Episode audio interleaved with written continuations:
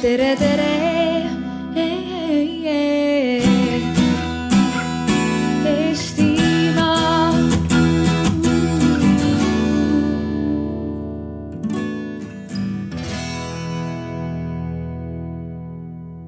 Tere õhtust,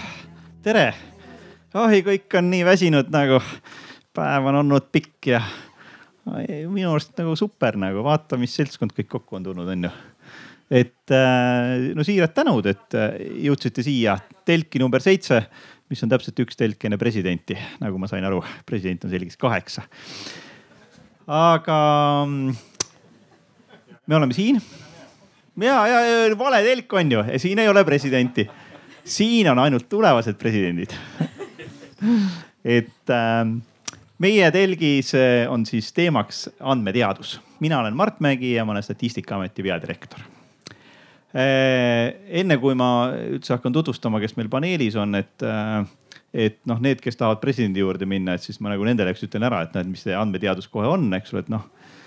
et suurel konverentsil käisin siin äh, aasta tagasi, hästi suur konverents oli noh, nagu kõik maailma statistikud olid kokku tulnud.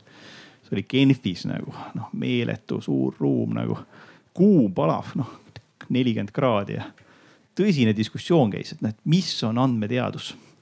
mis on andmeteadus. ja siis noh, nagu päev oli juba õhtusse saamas ja tõusis üks äh, vana püsti, ütles, et teate, andmeteadus, see on see on statistika, mida tehakse Maci peal. no põhimõtteliselt nagu San Franciscos nagu, eks ole, et noh nagu, et see ongi andmeteadus aga sellest tegelikult sissejuhatusest ma juhiks kohe edasi, et noh, sellest lähtuvalt meil ongi siin selline ääretult tõsine paneel andmeteaduse vallas, et, et meil on siin emeriitprofessor Ene-Margit Tiit. et äh, võiks öelda, et Eesti äh, statistika ja Eesti rahvastiku ema olen mina teda hellitavalt alati kutsunud nagu, et tere, Ene-Margit tere, tere. rahvastiku ema on muidugi eriti huvitav olla. ma, ma saan aru, et, et arheoloogid räägivad, et see, see rahvastiku ema oli, oli kuskil Aafrikas, ma ei, miljon aastat tagasi. ja, siis meil on äh, veel üks äh, professor äh, tema on Krista Fischer ja ütleme nii, et kui Tere. ma Krista peale mõtlen, siis noh, ütleme, et kõik, mis on seotud ülihuvitava andmemaailmaga, biomeetria, siis äh, sealt noh, vähemalt kõik märgid näitasid, et Krista teab absoluutselt kõiki individuaalandmeid. nii et, et ta räägib nendest. kõlab koledalt tere, Krista. et äh, Krista on siis äh, samamoodi Tartu Ülikooli Matemaatika Statistika Instituudi äh, professor. Ja jätkame professorite poolprofessorite lainel, dotsent, dotsent Meelis Kull. tervist. jah, ja dotsent Meelis Kull on siis meil samamoodi andmeteaduse õppetooli juhtiv dotsent siis, et, et kõik, mis seondub nagu andmeteaduse õpetamisega, masinõppega. ma saan aru, on, on tegelikult siis Meelise selline pärusmaa. On nii? on nii, õpetan masinõpet, õpetan sissejuhatust andmeteadusesse äh, informaatikutele. jah ja siis meil on tegelikult, kui teised olid igasugused dotsendid ja professorid, siuksed uhked nimetused, siis, siis tegelikult meil on üks andmeteadlane ka. on nii ja mul on natuke alaväärne tunne, mul pole isegi doktorikraadi. et Aivo on tegelikult andmeteadlane, praktiline andmeteadlane, praktiline, et selles mõttes, et kuidas tegelikult andmeteadus siis võib teha ka teistmoodi kui ülikooli juures või kas võib, seda me tuleme ka kohe arutlema. aga me alustame täna sellega, et mul on kohe esimene küsimus kõikidele panelistidele, et, et ma saan aru, et teile kõigile andmed meeletult meeldivad et ma tahaks kohe nagu kuulda, et, et, et enne kui me selle teaduse juurde lähme, et et noh, mis siis on selline huvitav teie enda lugu? kuidas teie sinna andmeteadusesse üldse jõudsite või siis, et võite ka julgelt rääkida ühe andmeloo. Et äh, mida teie olete siis oma suurte tööde käigus andmetest nagu väga-väga huvitaval kujul teaduslikult leidnud? Ene-Margit, hakkame sinust peale nii no siin on nagu kaks küsimust, kuidas ma andmeteaduse juurde jõudsin. esimese kursuse tudengina kutsus mind äh, akadeemik Jaan Einasto, kes siis oli parasjagu eh, värskelt ülikooli lõpetanud matemaatika astronoom, tegema mingisuguseid arvutusi. nii et esimesed andmed olid siis eh, astronoomilised andmed tähtede oma liikumise määramiseks. nii ja eh, esimene arvuti, mida ma kasutasin, oli siis Vändaga Felix ja natuke, natuke sain eh, ka tööd lihtsustada, kasutades arvutuslükatit nii et see oli, see oli siis minu, minu esimene, esimene kogemus. kui ma seda oma tudengitele olen rääkinud, siis tudengid vaatavad mulle otsa just nagu ma oleksin tõesti koopainimene minu lugu andmeteaduse juurde. aga esimesel kursusel ma liitusin ähm, arvutisiku neuroteaduse uurimisgrupiga Tartus, hakkasin seal peaaegu mitte midagi kasulikku tegema, aga noh, ma hängisin nende koosolekutel. ja vaikselt ma sain aru, et bioloogia eriti ei ole minu jaoks, aga see ülejäänud osa, mis on selline põhjalik andmeanalüüs põhimõtteliselt äh,. sel hetkel andmeteaduse sõna vähemalt eesti keeles niimoodi eriti ei eksisteerinud, see ei olnud populaarne, aga esiteks sellelt neuroteadlase taustalt eemale liikudes natuke ja teiseks küljest äh, mul olid mingid San Francisco sõbrad, kes ütlesid, et see on hästi populaarne, hästi nagu äh, kuum teema tulevikus. ja, ja see tundus väga hästi minu, minu sellise tugevuste ja taustaga kokku minevat, seega ma otsustasin, et äh, sellest saab minu fookus ja kuigi ma õppisin arvutiteadust, siis, siis ma otsustasin, et ma keskendun natuke rohkem andmete analüüsile ja siis hakkasin igasuguseid kõrvalprojekte tegema, rohkem aineid võtma sinna suunas ja lõpuks tegin magistri seal ja, ja nüüd töötan selle all. Eh, kuidas mina jõudsin andmeteaduse juurde? alustasin hästi suure matemaatikahuvilisena. Siis hakkasid algoritmid huvi pakkuma ja ja bioloogia oli midagi, mille poole ma mõtlesin, et ma liigun ka ja proovin aru saada, et kuidas see põnev bioloogiline maailm eh, kokku käib ja mis, mis on need algoritmid seal taga. ja tegin siis bioinformaatika valdkonnas eh, oma magistri ja doktorikraadi. Eh, aga need bioloogilised põnevad algoritmid mingis mõttes ammendasid ennast minu jaoks, et ma nagu hakkasin natuke juba nendest aru saama ja ma sain aru, et, et neid on küll kole palju, aga noh, mingis mõttes on needsamad asjad, mis korduvad, aga vot aju, vot aju on selline müstiline asi, millest ikkagi peaaegu kuidagi üldse aru ei saa. ja, ja siis ma jõudsingi masinõppe juurde, et ähm, aru saada mitte siis ainult sellest, et kuidas inimese aju toimib, aga üldse, mis asi see õppimine on ähm,. ja et ütleks siis masinõppe kohta veel lühidalt, kes ei tea, et mis see masinõpe on. et äh, ütleme, et anname arvutile ette portsu fotosid, kassid-koerad, märgendatud ära, et, et vot see on kass ja see on koer. ja siis müstilise algoritmi, õppimisalgoritmi najal äh, arvuti oskab ise hiljem öelda, et vot see on nüüd kass ja see on koer. ja nendest algoritmidest tahangi aru saada ja andmetega seondub see kuidas?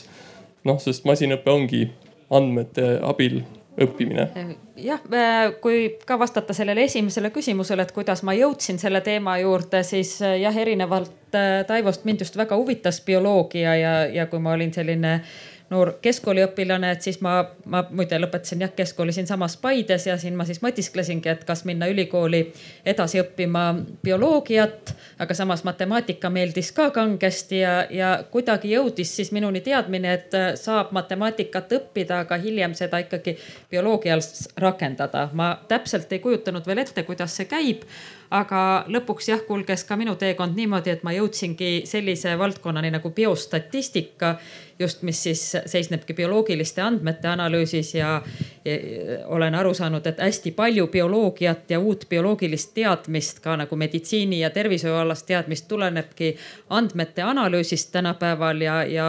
nüüd ma teengi koostööd bioloogide, arstiteadlastega ja katsungi siis ka igasuguseid põnevaid küsimusi uurida siis tõepoolest, et mis toimub, mis mõjutab meie elu ja tervist. kas geenidel on seal roll, kui suur roll on geenidel ja noh, need, see on see teemade ring, millega, kus ma tegutsen, olles siiski mitte bioloog, vaid tegelikult matemaatik, kui ma räägin oma algset ülikooliharidust tundub nagu kuidagi nagu, et, et kui andmeteadust räägitakse, siis on kohe nagu bioloogia ja rahvastik siin ja, ja, ja noh, et nagu no, arvud ja, ja bioloogia kuidagi, et, et aga, aga, aga tundub teistpidi jälle, et see andmeteadus on laiem. et äh, kuidas teie defineeriksite, mis see andmeteadus siis tegelikult on? Ene-Margit no see, kui öeldakse, et andmeteadus on statistika, see on andmeteaduse üks komponent, on statistika. kuid andmeteadusel on üsna mitu komponenti lisaks statistikale. muidugi andmeteadus kasutab mõnevõrra ka matemaatikat, mis ei ole statistika, no seal on optimeerimismeetodid ja, ja muu taoline, aga andmeteaduse puhul on väga oluline, et andmeteadlane tunneks ka seda valdkonda, kus ta töötab. olgu see siis bioloogia, olgu ta siis astronoomia, olgu ta geneetika või olgu ta majandusteadus. igal juhul andmeteadlane peab mõnevõrra tundma ka seda valdkonda ja lõppude lõpuks on andmeteadlase eh, puhul äärmiselt oluline, et ta tulemusi oskab visualiseerida, teha neid inimestele hästi arusaadavaks. nii et andmeteadus tõesti on niisugune õige mitmest komponendist koosnev kompleksne teadusvaldkond Airbnb andmeteaduse juht, neil on mingisugune kolmsada andmeteadlast, kui ma õigesti mäletan. Äh, nad on defineerinud enda jaoks kolm ala, mida andmeteadus katab. Äh, üks neist on, on see, mis Meelis rääkis, põhimõtteliselt ennustavate mudelite loomine. et sa tahad ükskõik kuidas teha nii, et sul oleks mingisugune programmijupp, mis ütleb, kas see pilt on kass või koer või mis, mis iganes muu asi, mis see on, mis sa tahad ennustada. Äh, see on, nad nimetavad seda algoritmid. teine osa on Äh, ma ei tea, mis eesti keeles on, aga nad ütlevad selle kohta inference. Äh, noh, kindlasti eestikeelsed statistikud teavad, aga äh, selle idee on see, noh, näide, kus seda kasutada on, kui sul on veebilehel, sul on kaks varianti samast veebilehest, ühel on kirjas, et tule rendi Airbnb-st korter, teisel on kirjas, et viiskümmend eurot täna Tallinnas ööbimine, siis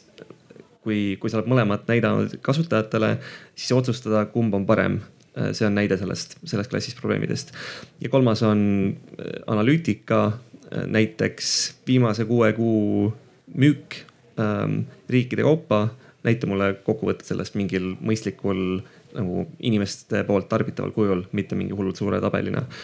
ja, ja nende näidete kaudu minu arust on, on lihtsam mõelda, mis on andmeteadus, vähemalt äh, tööstuses ja see enam-vähem katab ära kõik asjad, mis, mis mina oma karjääris olen teinud ka ma lisaks sellele ajaloolist perspektiivi, eh, mitte et ma sellest liiga palju teaks, aga, aga natukene ikka, et, et eh, vanasti andmed olid ju tegelikult statistikute pärusmaa. Eh, aga siis arvutiteaduses ilmusid tegelased, keda hakati andmekaevuriteks nimetama. miks neid vaja oli? no sellepärast, et järsku hakkasid tekkima sellised tohutud andmemahud, mille puhul nagu ütleme, traditsioonilised statistika äh, natukene hätta hakkasid jääma ja siis äh, äh, hakkas ka tekkima masinõpe ja tehisintellekt või sa saama populaarsemaks ja, ja siis järsku oligi suur äh, hulk valdkondi, mis kõik on natuke seotud ja äh, hakkas tekkima vajadus inimeste järgi, kes äh, nende suurte andmetega hakkama saavad, kasutades siis nii statistikat kui masinõpet, kui, kui ka visualiseerimist, kõiki neid asju. ja, ja siis, kui olid inimesed ja nende järgi vajadus, siis mõeldi välja ka termin, et andmeteadus. nii et mina näen seda eelkõige niisuguse katusterminina mitmele erinevale kuid seotud valdkonnale. Aga lisaks veel seda, et, et ma näen ka kahte tüüpi andmeteadust, et üks on teadus andmetest äh, ja see on selline, ütleme siis äh, alusteadus või baasteadus, kus arendatakse välja neid meetodeid. teine on siis rakenduslikum, et siis tea-, teadusandmetega ehk siis seda on võimalik siis teha nii akadeemilises õhkkonnas kui ka nii, nagu teeb Taivo. ehk siis rakendab teaduslikku mõtlemist, püstitab hüpoteese, lükkab neid ümber, kasutades andmeid. sellist teaduslikku mõtlemist rakendab siis andmete peal oma valdkonnas. ja see võib olla siis ka äriettevõttes et üldiselt siin eelkõnelejad on juba palju ära öelnud, tõepoolest see andmeteadus on selline katustermin, mis katab rohkem asju, et ka mina jõudsin alguses statistika juurde. ma ütleks, et ma näen ühe statistika põhiülesandena just seda, et kui on mingid andmed, et siis statistiliste meetoditega me üritame aru saada, et kui palju need iga, need varieeru-, see varieeruvus, mida me seal andmetes näeme, no näiteks inimeste andmed, et mõned on lühemad, teised pikemad või mingeid muid andmeid, üks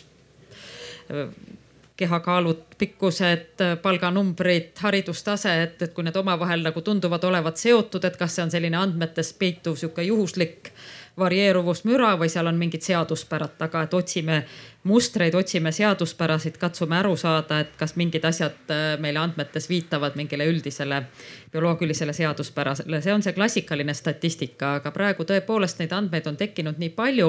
võib-olla isegi ma arvan, et tänasel päeval praktiliselt igaüks teist on tekitanud kirje mõnes andmebaasis kasvõi sellega, et te mobiiltelefon taskus liigute ringi. mobiilioperaator registreerib ära, et see number, selle numbriga inimene on selle masti piirkonnas olnud, et kuskil on andmebaasis kirja selle kohta, et te siin Paides olete, kes on ostnud pangakaardiga midagi, ka see on tekitanud võib-olla isegi mitmesse andmebaasi kirjad ja tekivadki väga-väga suured andmebaasid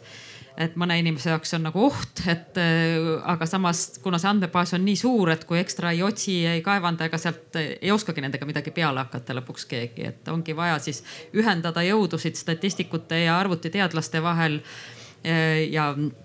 ja ka need teadlased, kes teavad rohkem sellest asjast, mille kohta need andmed on, on see siis majandus või bioloogia. et lõpuks äh, midagi mõistlikku nendega peale hakata ja uut teadmist luua ja midagi jälle elu paremaks läheks ma, ikkagi noriks natuke, et noh, nagu mulle praegust tundub see nii, et kui pannakse igale nimele nagu andme ette, et on andmearst ja andmejuuksur ja noh, ma ei tea, siin andmepäästja või midagi muud, et noh, et nagu,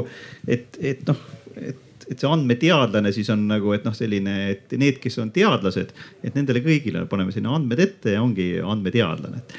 et, et sellest norimisest natukene tegelikult edasi minnes, siis et, et just selle noh, siin valdkonna koha pealt ka, et noh, et igal valdkonna eksperdil tänapäeval tõesti ju ilma arvutita ümber ei saa. ja enamuses valdkondades meie andmetest mööda ei saa nii et see on paratamatus, et natukene kaevaks sügavamale, küsikski otse, et et no mis on siis see spetsiifiline oskus, mida üks andmeteadlane peaks tegelikult omama? et kas see on nagu noh, see, et ta lisaks statistiliste meetodite valdamisele omab ka nagu oskusi R-i ja Pythoni koha pealt. Eh, peab ta oskama andmebaasidega toimetada, mis on see, mis teeb ühest eh, teadlasest andmeteadlase ikkagi? Nii, no ma ei tea, kas, kas peab R-i ja Pythoniga oskama tegeleda, no siis ma lähen siit ruttu ära. Sest, sest minu meelest eh, ei ole ilmtingimata tarvis, et, et andmeteadlane kõiki neid valdkondi, millest ma rääkisin, valdaks ei tarvitse võib-olla tunda detailselt optimeerimismeetodeid, ei tarvitse võib-olla ka, ka kõige paremini osata andmeid visualiseerida, sest tänapäeva teadus on ju meeskonnateadus. ühesõnaga eh, ülesandeid lahendatakse meeskonnana ja meeskonnas peab olema kõigi vajalike valdkondade spetsialiste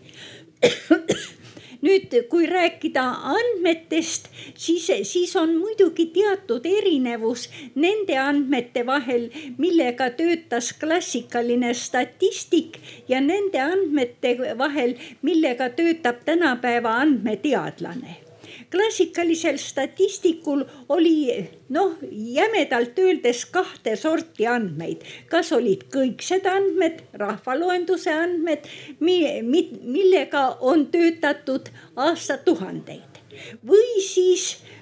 asi, mis no paarsada aastat tagasi avastati ja, ja mis, mis on tänapäeval saanud statistikute nii-öelda leivaks, on valim korralikult koostatud valim, mille kohta on, on teada, et teatud reeglid, valimisse sattumise juhuslikkus ja nii edasi. ja selle põhjal on välja töötatud siis, siis klassikaline statistika. nüüd aga andmetöötlejad peavad igasuguste andmetega tegelema. no kasvõi oli siin juttu mobiiltelefoni andmetest siin me ei tea, missugune on see valimi eeskiri, me ei tea paljusidki asju, aga me peame ikkagi ka nende põhjal mingisuguseid järeldusi suutma teha. ja see on nüüd see samm edasi klassikalisest statistikast andmeteaduseni, et igasuguste küllalt arvukate andmetega peab, peab andmeteadlane suutma töötada. tood mul küsimust meelde uuesti küsimus oli noriva iseloomuga. et mis on need üldistavad oskused või? no minu jaoks põhimõtteliselt nagu Ene-Margit ütles minu meelest, et andmeteadus on see ühisosa põhimõtteliselt kõigil teadustel, et mingid üldistavad oskused andmete töötlemiseks ja võib-olla ennustavate mudelite loomiseks, ähm, mis iganes see alamosa andmeteadust täpselt on. enamik teadlasi teevad mingit osa oma tööst, mis on mingi eksperimendi tulemuste analüüs või eksperimendi disain nad teevad väga sarnaseid asju ja kui sa nüüd need välja võtad sellest ühest alast ilma selle domeeni teadmiseta, võtad, jätad bioloogia kõrvale, võtad ainult need andmeoskused, siis see minu arust kirjeldab enam-vähem seda, mis, mis andmeteadus on või noh defineerida on väga raske, sellepärast et ta on, ta on väga laialivalguv termin, aga, aga see on kõige parem kirjeldus sellest. spetsiifiliste oskuste osas ma ei palkaks kedagi, noh, mul on tiim, ma ei palkaks kedagi, kes ei oska Pythonit või R-i. lihtsalt sellepärast, et need on noh, meie tiimis kasutame Pythonit, aga need on standardkeeled, mida oskamata sul väga raske koostööd teha teistega, teised ei saa sinu töö tulemusi kergesti kasutada ähm,. enamik selliseid andmetöötluspakette või äh, ütleme valmisolevat koodi, mis internetis on ei saa kasutada, äh, kui sa kasutad midagi muud kui Pythonit. noh, tihti on R-is on, on isegi paremad, aga noh, need probleemid, millega meie, meie tegeleme, mis on enamasti masinnägemine, seal on, on Python on oluliselt parem kui R. et see, see on põhimõtteliselt miinimumkvalifikatsioon minu jaoks, aga siis sealt tuleb väga palju juurde selle osas, et mis täpselt see probleem on, mida sa lahendama hakkad. et kui sa hakkad seda eri kahe lehekülje vahel äh, otsustama, et kumb oli parem mingite klikkide põhjal või müükide põhjal, siis see oskus, mida seal on vaja või need oskused, mida seal on vaja, on väga erinevad sellest, et kui sa hakkad õpetama ähm, õpetama masinale, et noh, kas see on kass või koer pildil. Need on, ma ütleks väga vähe äh, on seal ülekatet nende probleemide ja nende oskuste vahel no Meelis ja Krista, kas teie meeskondadest, teie õpetatavatest nagu kõik oskavad äh, tööriistu äh, ja mis need tööriistad siis on? R-i Pythonit ja R-i muidugi järjest vähem, peab tõdema. aga ma tahaks rõhutada, et, et noh, mõnes mõttes tõesti andmeteadlane ideaalis võiks osata kõike. võiks osata ühelt poolt seda teoreetilist, äh, matemaatilist ja statistilist tausta, võiks äh, osata kõiki neid tehnilisi tööriistu, äh, võiks osata kommunikeerida siis kõiki neid analüüsi tulemusi rahvale, sest andmeteadlane ideaalis ongi nagu see, kes vahendab andmeid kõigile teistele inimestele, et. ja ideaalis mitte küsida kõige selle peale kümme tuhat eurot kuus palka et ähm, jah, ühesõnaga kui ütleme väga edukas iduettevõte otsib andmeteadlast, siis, siis ta tahab kõiki neid asju saada. aga praktikas on tegelikult palju valdkondi, kus on ka ähm, alamosad nendest oskustest vajalikud mina parem ütleks seda, et kui me hakkame nüüd kaevuma allapoole, et mida, mida on ikkagi vaja, et olla nagu potentsiaalselt edukas andmeanalüüsis, et siis võib minna nagu sügavamale, et R ja Python on tööriistad. selleks, aga nad ei ole sellised, mida, mille oskusega nagu sünnitakse, vaid nad on õpitavad täiesti ja kui inimene tuleb, kes, kellel on eeldused selleks, et ta võiks selles valdkonnas hakkama saada, R ja Pythoni äraõppimine ei võta nüüd nii hirmsasti aega, et aga mida on vaja inimesele, et on vaja sellist matemaatilist, analüütilist mõtlemist, teatud sihukest üldistusvõimet, abstraktset et mõnel mõttes, et ta näeb, et see samasugune asi, mis seal õpikus on toodud, noh, mingisugune, ma ei tea, kasvõi näide on mingite kartulitega, aga seesama töötab majanduses hoopis mingit majandusprotsessidega või, või, või mingite geeniandmetega ka, et ta noh, oskab näha neid seoseid, oskab üldistada. Et noh, lõpuks jõuame välja selle kooli matemaatikani, et kõigepealt äh, võiks olla nagu äh, huvi matemaatika vastu ja teatud selline matemaatilise mõtlemise võime ja sealt edasi kõik need oskused on omandatavad, et lõpuks jah, tänapäeval jõuame välja äh, vahenditeni, mille hulgas on ka R ja Python väga olulises kohas, ma olulisel kohal, minu doktorandid tõepoolest kõik äh, ka oskavad R-i päris hästi, see on ka minu töövahend, Pythonit ma ise ei tunne väga hästi. aga, aga noh, see ei ole nagu see põhi, et need ei ole nagu astume nüüd sammu tagasi veel korra, et, et tegelikult me võime olla sügaval kusagil mingites R-is ja püütis, jumal teab, kes, mis, kelles, milles, eks ole, et. et tegelikult tuleme nüüd selle juurde, aga et, et noh, kellel neid andmeteadlasi ikkagi vaja on mm. -hmm. et, et praegust ma siin kuulen, et noh, natuke umbes see, et kui, kui andmeteadlane, et noh, siis iduettevõtted on need, kes õudselt tahavad neid nagu, et. aga et noh, et kellele neid andmeteadlasi veel vaja teie arvates on ja mis need andmeteadlased siis võiksid head nagu meile korda saata hakkame seekord eh, Kristjast peale no ütleks, et kõigepealt on vaja seda oskust andmeid töödelda andmetest nagu teadmist looda teaduses igal pool põhimõtteliselt tänapäeval peaks vist praktiliselt iga teadlane olema otsapidi ka andmeteadlane või tal peaks olema meeskonnas andmeteadlane. sest kui me vaatame tippteadusajakirju Nature, Science, Cell, siis pea kõik artiklid sisaldavad ka olulisel määral statistilist analüüsi või andmeanalüüsi, nüüd ka masinõppemeetodeid ja, ja selliseid äh, uuema aja andmeteaduse meetodeid, et see on kindlasti üks suur valdkond. majanduses ma arvan, et äh, tõepoolest, et siin oskavad ka teised rohkem kommenteerida, ma arvan, et igal firmal oleks kasu inimesest, kes oskab andmetega peale hakata, oskab sellest andmebaasist ka midagi nagu mõistlikku kätte saada, et mitte, et lihtsalt jah, kogume kõik, koguneb sinna arvutisse, käivad äh, mingid müüginumbrid, äh, tuleb ostja, ostab midagi, tekib jälle kirje, aga mis edasi, kas me saame sellega midagi tarka teha, et sellist, ma arvan, et kuluks, kuluks vast kõigile ära, jah. Äh, jah, kindlasti kuluks kõigile andmeteadlased ära, aga nii palju neid ei ole, kuigi ja, me üritame koolitada neid juurde nii palju kui saab et äh, ava, avanemas on äh, järgmisest sügisest magistriõppekava andmeteaduse valdkonnas äh, arvutiteaduse instituudi all Tartu Ülikoolis, aga koostöös teiste instituutidega ja plaan ikka päris mitmed kümned aastas vastu võtta ja koostöös Majandus-Kommunikatsiooniministeeriumiga selline projekt on käimas Teil käib mingi õudne kisma selle Tallinna Ülikooliga ka, et eh, kes nagu kiiremini ja suurema asja püsti saab? Eestis on väga eluterve koostöö ja konkurents. et aga kellele vaja on andmeteadlasi? noh, ühest küljest eh, kõik ettevõtted, kes eh, oma ärimudelis juba kasutavad andmeid väga olulisel määral, kas andmed on nende toormaterjal, mida nad ära kasutavad, et midagi teha nendega või et kas on andmed nende lõpp-produkt. Ehm, ühesõnaga või, või mingisugune vaheetapp, Facebook, Google, mis iganes, seal on kõik igal pool tohutud äh, andmed äh,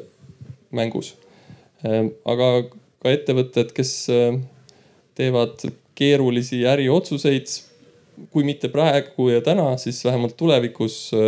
andmeteadus hakkab oskama aidata juhte nende otsustes. et ähm, mis see andmeteadus muud on, kui lihtsalt informatsiooni töötlemine, millega inimese aju tegeleb ka informatsiooni töötlemisega. meil on vaja otsuseid teha, kogume selle informatsiooni kokku, informatsioon on igal pool. Äh, loeme ajalehest või äh, vaatame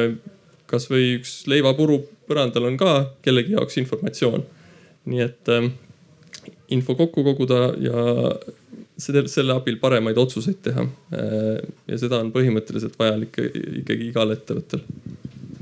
ma natuke formaliseeriks seda Meelise öeldut, et minu meelest on kahte sorti viis, kaks sorti viisi, kuidas, kuidas andmeteadus saab ettevõttele kasulik olla. esimene on selline, et kogu ettevõtte ärimudel on ehitatud eeldusele, et mingeid asju on võimalik ennustada. näiteks kui sa teed isejuhtivaid autosid, siis noh, see ise, isejuhtimine on põhimõtteliselt ennustusülesanne, äh, mis mu ümber maailmas juhtub ja siis selle põhjal äh, noh, mingi planeerimine ja, ja auto kontrollimine ja kui sa ei suuda seda ennustusülesannet lahendada, kui sa ei suuda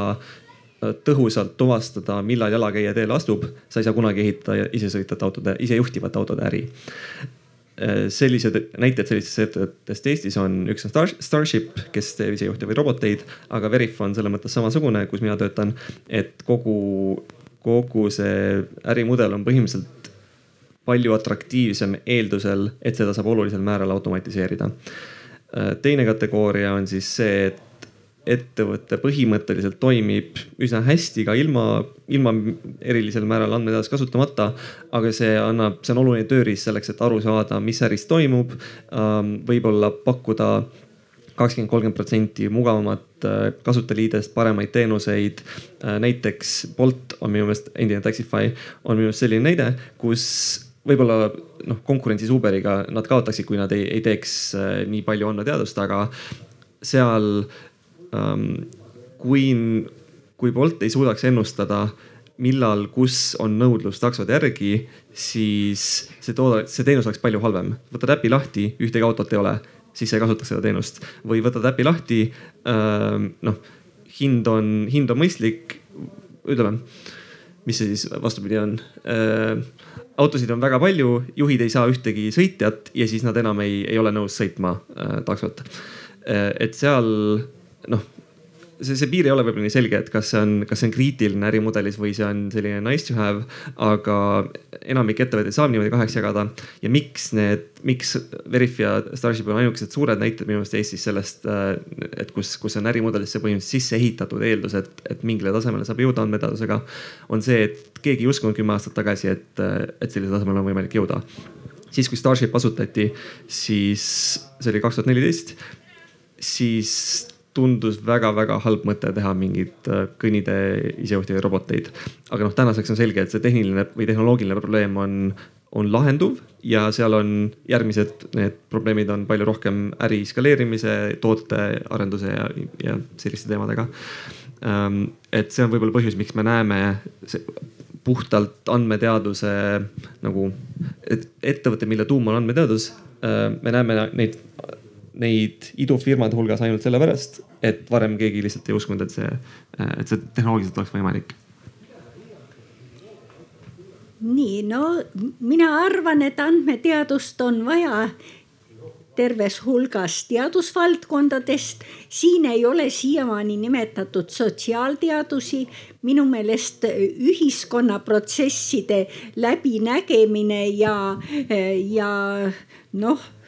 ütleme, ütleme mingis mõttes ka ennustamine eh, sel eesmärgil, et, et inimeste elu parandada. see on äärmiselt vajalik ülesanne ja ühiskonnaprotsessid on muidugi need ühed kõige keerukamad protsessid võrreldes bioloogiliste või, või füüsikaliste protsessidega. ja just nimelt siin on ilmselt väga suur potentsiaal ka andmeteaduse rakendamiseks. nüüd on, on siin räägitud teadusest ja ettevõtlusest aga ka riigi majanduses on loomulikult eh, suur potentsiaal andmeteaduse rakendamiseks. me kõik soovime, et Eesti riik võimalikult teaduspõhiselt toimiks. ja no siin ma tooksin ka selle näite, mis me Statistikaametis oleme teinud, kuidas me suure hulga andmete põhjal teeme selgeks, missugused inimesed käesoleval aastal või eelmisel aastal reaalselt olid Eesti elanikud ja missugused olid ainult nii-öelda surnud hinged mingisuguses registris, aga tegelikult elasid hoopiski Soomes või Austraalias. Teine sarnane näide on, on see, mille eest sa mille, mille eest sai üks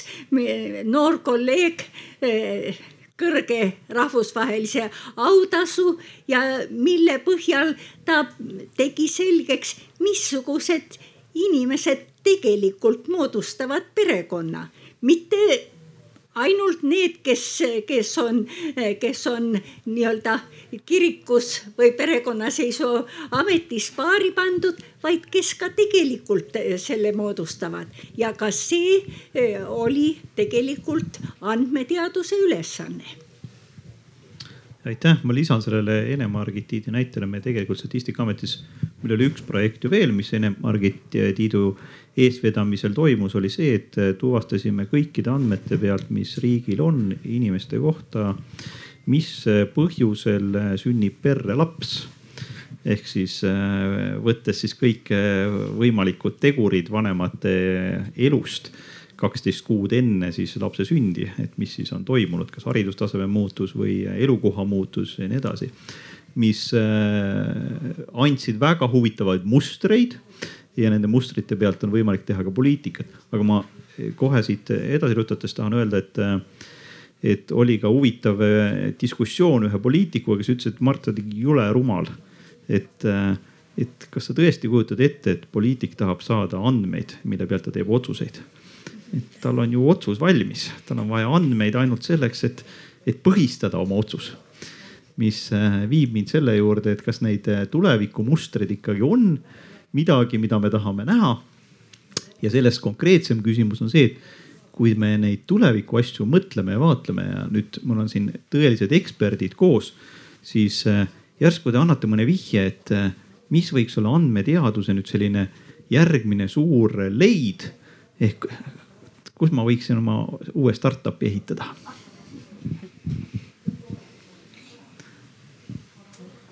Ja. mul on üks hästi-hästi spetsiifiline kitsas äh, startup'i idee, mis ma hea meelega olen esimene klient, kuigi tahab ära teha ma ei usu, et keegi aru saab, kui ma seda seletan, seega ma, ma võin teile üks-ühele hiljem seletada, aga põhimõtteliselt üldiselt see, see ala, et kuidas hallata äh, ja, ja märgendada või panna, sildistada andmekogusid. see on väga alaarenenud äh, võrreldes sellega, kui suur probleem see tööstuses on. ja noh, tulge rääkige minuga, ma ütlen teile, mida ehitada ja kui palju ma olen nõus maksma selle eest no nii, kui kellelgi, meil on mõni investor siin reas, aga tegelikult ega noh, siin. sa mõtlesid ju, eks ole, väikse me, kohviga, eks ole, saab sind ära. ei noh, selles mõttes, rahaga ikkagi, aga ei nagu selles mõttes, et idee, idee ma annan tasuta, aga see ähm,, ma olen esimene klient ka. Leida inimesi, kes suudavad selle hästi ära teha, see on noh, see on põhiline ähm,, ma arvan, pudelikael ükskõik mis alas. ja, aga mis valdkonnad veel on hakkavad andmeteadusega kohe õitsele, nii et Meelis. no masinõpe juba õitseb, eks seda on igal pool näha ja, ja seda, mis see järgmine samm nüüd äh, homme või aasta või kümne aasta pärast on, on järjest raskem ennustada, aga äh, üks asi, millest äh, kindlasti mingil ajal rohkem ja rohkem kuulda saab, on, on digitaalne nõunik Äh, ja seda võib-olla väga erinevates äh, mõtetes, et üks on lihtsalt äh, personaalne assistent, kes järjest enam kasulik hakkab olema meile igaühele. kas ta siis paikneb telefonis või kus iganes, aga, aga ka laiemalt nõunik hakkab olema siis järjest targem ja järjest kõrgemates positsioonides, miks ka mitte peaministri nõunik ehm, võiks olla ka andmeteaduse lahendusega saavutatud. Ehm, okei okay,, see on, ütleme, kui see on, oleks robot, siis oleks liiga kauge tulevik praegu rääkida, aga, aga võib-olla pigem et andmed.... ära muretse, riigikantselei inimesi pole vist siin hetkel, nad on kõik üleval seal presidendi et sa võid julgelt rääkida. ja, aga, aga ütleme siis andmeteadlase enda roll ehm, kuidas see areneb, et, et andmeteadlane eh, kui see, kes vahendab andmetest tulenevat eh, inimestele, otsustajatele muuhulgas näiteks ministrile. et, et, et ma kujutan ette, et ministeeriumis, lõpuks igas ministeeriumis võiks olla andmenõunik, kes siis on see, kes võtab, kelle all võib-olla on mingisugune hulk andmeteadlasi aga kui andmeteadus üha enam automatiseerub, siis võib-olla lõpuks enam väga rohkem midagi ei ole, kui on lihtsalt see üks inimene, kes äh, tunneb seda andmeteadust piisavalt, et oskab sisse panna sinna vajalikud eeldused ja siis tuleb sellest targast andmeteaduse süsteemist, masinõppesüsteemist, mis iganes, tuleb välja nõuanne Mulle... mida siis vahendab kenasti ministrile. E- Eesti sihuke šamaani nagu või noh, nagu just, vanad just. nõiad, eks ole, tulid noh, küsiti nõia käest, kuidas ja. asjad on, et siis nagu samamoodi. aga kõigepealt peab muidugi ministrilt tulema poliitiline sisend. Äh, minister ütleb, võib-olla ta tahab midagi tõestada või nagu põhistada, nagu, nagu sa ütlesid äh, ja siis äh, jah, siis see läheb sinna sellesse šamaani süsteemi sisse. Aga, aga jah. mina vaidleksin sellele, sellele viimasele lausele vastu. ma saan aru, et, et andmeteadlane peab kirjeldama olukorda, andma objektiivse info, aga otsustab eh, poliitik. Ja, ja andmeteadlase seisukohti ei tohi kuidagiviisi poliitik mõjutada. andmeteadlane peab töötama täiesti sõltumatult poliitikast ja poliitik siis võtab vastu otsuse. noh, ühesõnaga üks tegevusliin maksab ühe summa, teine teise summa ja nii edasi. aga selle, kuidas, missuguse otsuse äh, vastu võtab, see on poliitiline otsus. Mõnes mõttes nõus, aga ma tooksin ühe näite. Tartu linnas on äh, väga tore uus äh, transpordisüsteem, bussiliiklus, kõik uued numbrid, võib ära eksida seal. aga see on väga teaduspõhiselt tehtud, andmeteaduspõhiselt. et uuritud mobiiliandmete pealt, kuidas inimesed liiguvad mis suunal transporti vaja on ja siis võetud arvesse mingisugused eesmärgid ja need võivad nüüd olla natuke poliitilised selles mõttes, et mis on oluline, kas see, et keskmine inimene tähendab keskmiselt inimene ootaks bussi võimalikult vähe. kas tema keskmine öö, liikumisaeg oleks punktist A punkti B minimaalne või on oluline, et, et, et ka kõige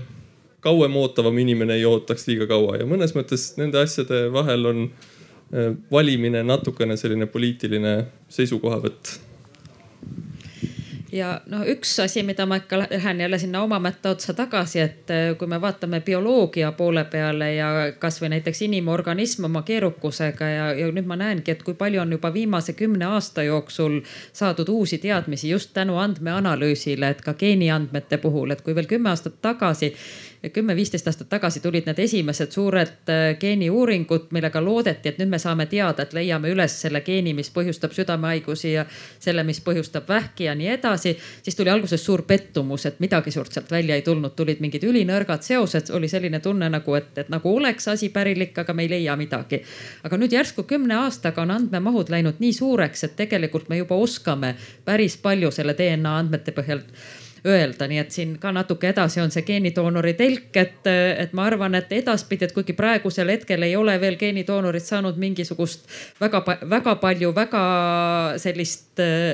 Äh, suurt teadmist selle kohta, et vot, et, et võivad ohustada tulevikus just need ja need haigused, aga nende pärast ära muretse, siis ma arvan, et noh, mõne aja pärast osatakse seda juba palju paremini öelda, et me oleme juba teinud üsna suuri edusamme ja, ja ma näen, kuidas just need andmed ja suured andmemahud aitavad seda kõike paremini mõista, et kahjuks ei ole ja ühte südamehaiguste geeni, aga me näeme, et üle genoomi on hästi palju selliseid nõrkasid mõjusid, mida targal moel nagu siis äh, jälle arvutulist, arvutuslike meetoditega oskame neid kokku summeerida, nii et me teame ikkagi, kui suur ühe või teise inimese risk on ja saame veel paremini teada, et see on ka väga huvitav valdkond, kuhu,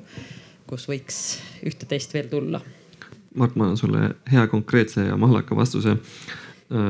personaliseeritud muusika, filmid, raamatud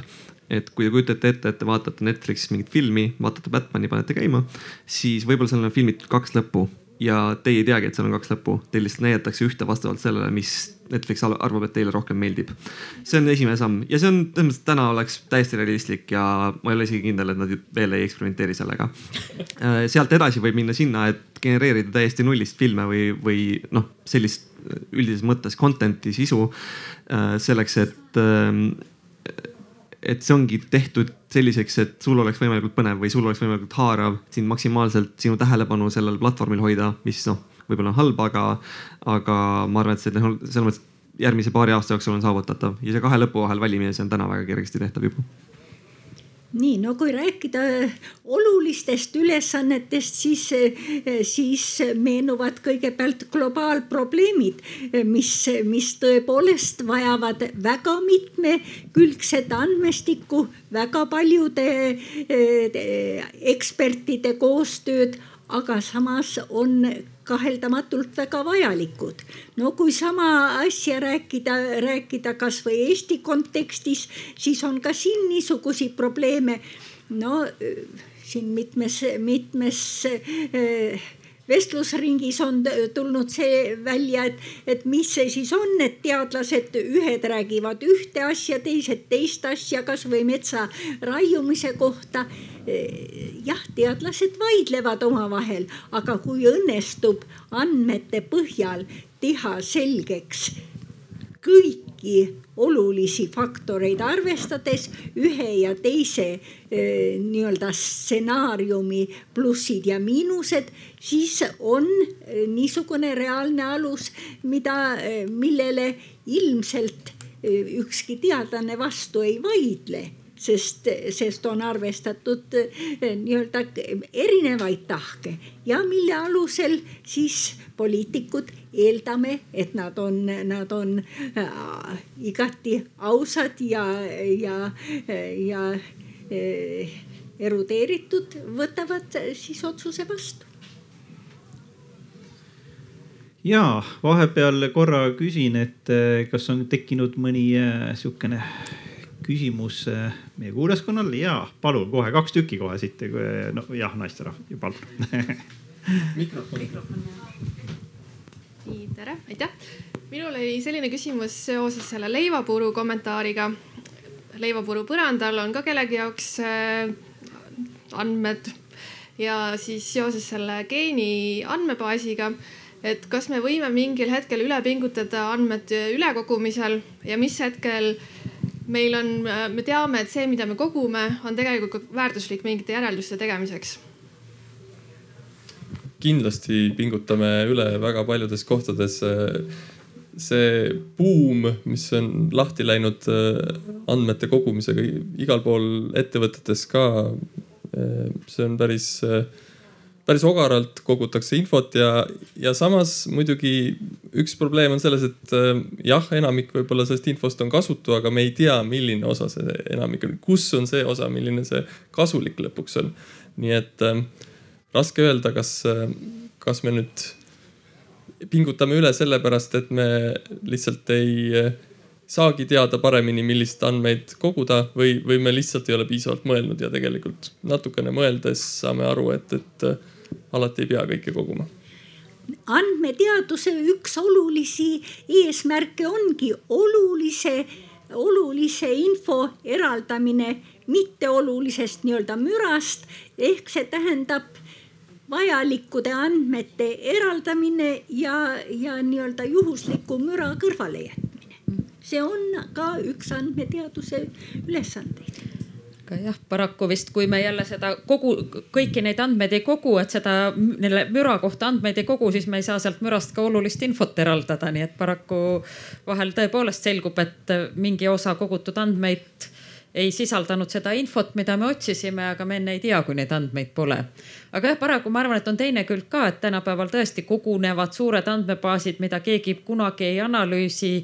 ja võib-olla ei hakkagi keegi kunagi analüüsima, et võib-olla see on ka raiskamine, aga samas jah, mõned andmed, mida on kogutud, leitud praegu kuskilt vanast keldrist paberite peale kirjutatud mingid andmed on osutunud väga väärtuslikuks infoallikaks näiteks, et ja see võib ka mõnede tänapäeva andmetega olla minu jaoks on kaks kriteeriumi, miks,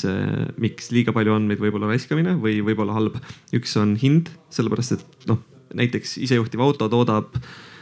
kui kõik need andmed maha salvestada, mida kõik ise, kõik Tesla autod näiteks toodavad,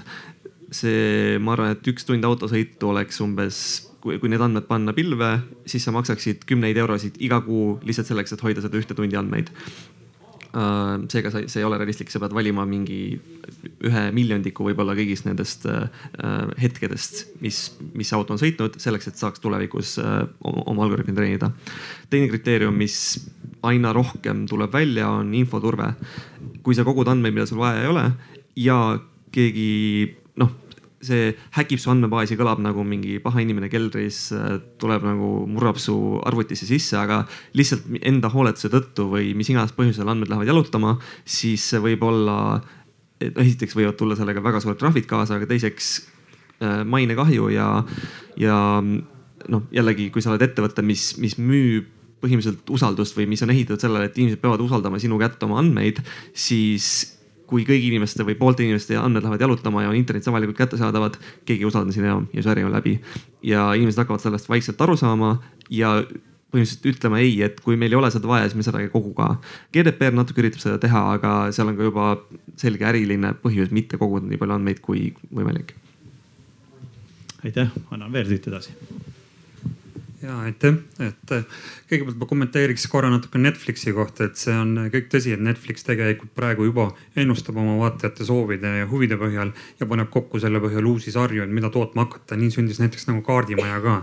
ja läkski täitsa kümnesse, kui välja arvatud see, et nad ei suutnud ennustada, mis Kevin Spacey'ga võib juhtuma hakata. kõik muu on äh, nagu töötas hästi. aga teine on see küsimus ka, et, et mina ise olen majandusteadlane, mina töötan andmemahtudega sajast, valimid on sajast kuni, kuni kuskil kahe tuhandeni, et ma ei julgegi ennast päris nagu andmeteadlaseks nimetada. ja nüüd ma just kuulsin, et vahetult ennem kui ma küsima hakkasin, et väga suured andmed ei ole ka head, kõlas juba läbi. aga ma ikkagi küsiks nende suurte andmete kohta, big data kohta, et kui suurte andmetega teie töötanud olete? nagu ma mainisin, et kui minu andmemahud on kuni kuskil kaks tuhat valimis, siis suurandmete puhul ei räägita enam mitte kirjete arvust andmebaasis, vaid räägitakse juba andmemahust, et, et kui palju seda suudetakse nagu töötada. ja millised on need teie suuremad äh, kogemused ja mis äh, teemadel need on olnud siis, kus, mis on lähenenud kõige rohkem big data'le? minu lühikreegel selle jaoks on see, et mida ma presentatsioonis ka ütlen äh, esiteks see, see, kust hakkab big data või mida inimesed ütlevad big data kohta, see sõltub, mis alal sa oled. üks mu tuttav sotsioloog, tema jaoks big data algab tuhandest andmepunktist või, või kui enam Excelisse ei mahu või noh, midagi sellist. aga noh, mulle tundub, et minu jaoks või minu jaoks kuhu ma, mina selle piiri tõmban, on see, et mis on kõige suurem andmehulk, mis sa saad arvuti muutmälus korraga hoida, mis on täna on suurusjärgus neli terabaiti. Äh, Amazoni kõige suuremad masinad.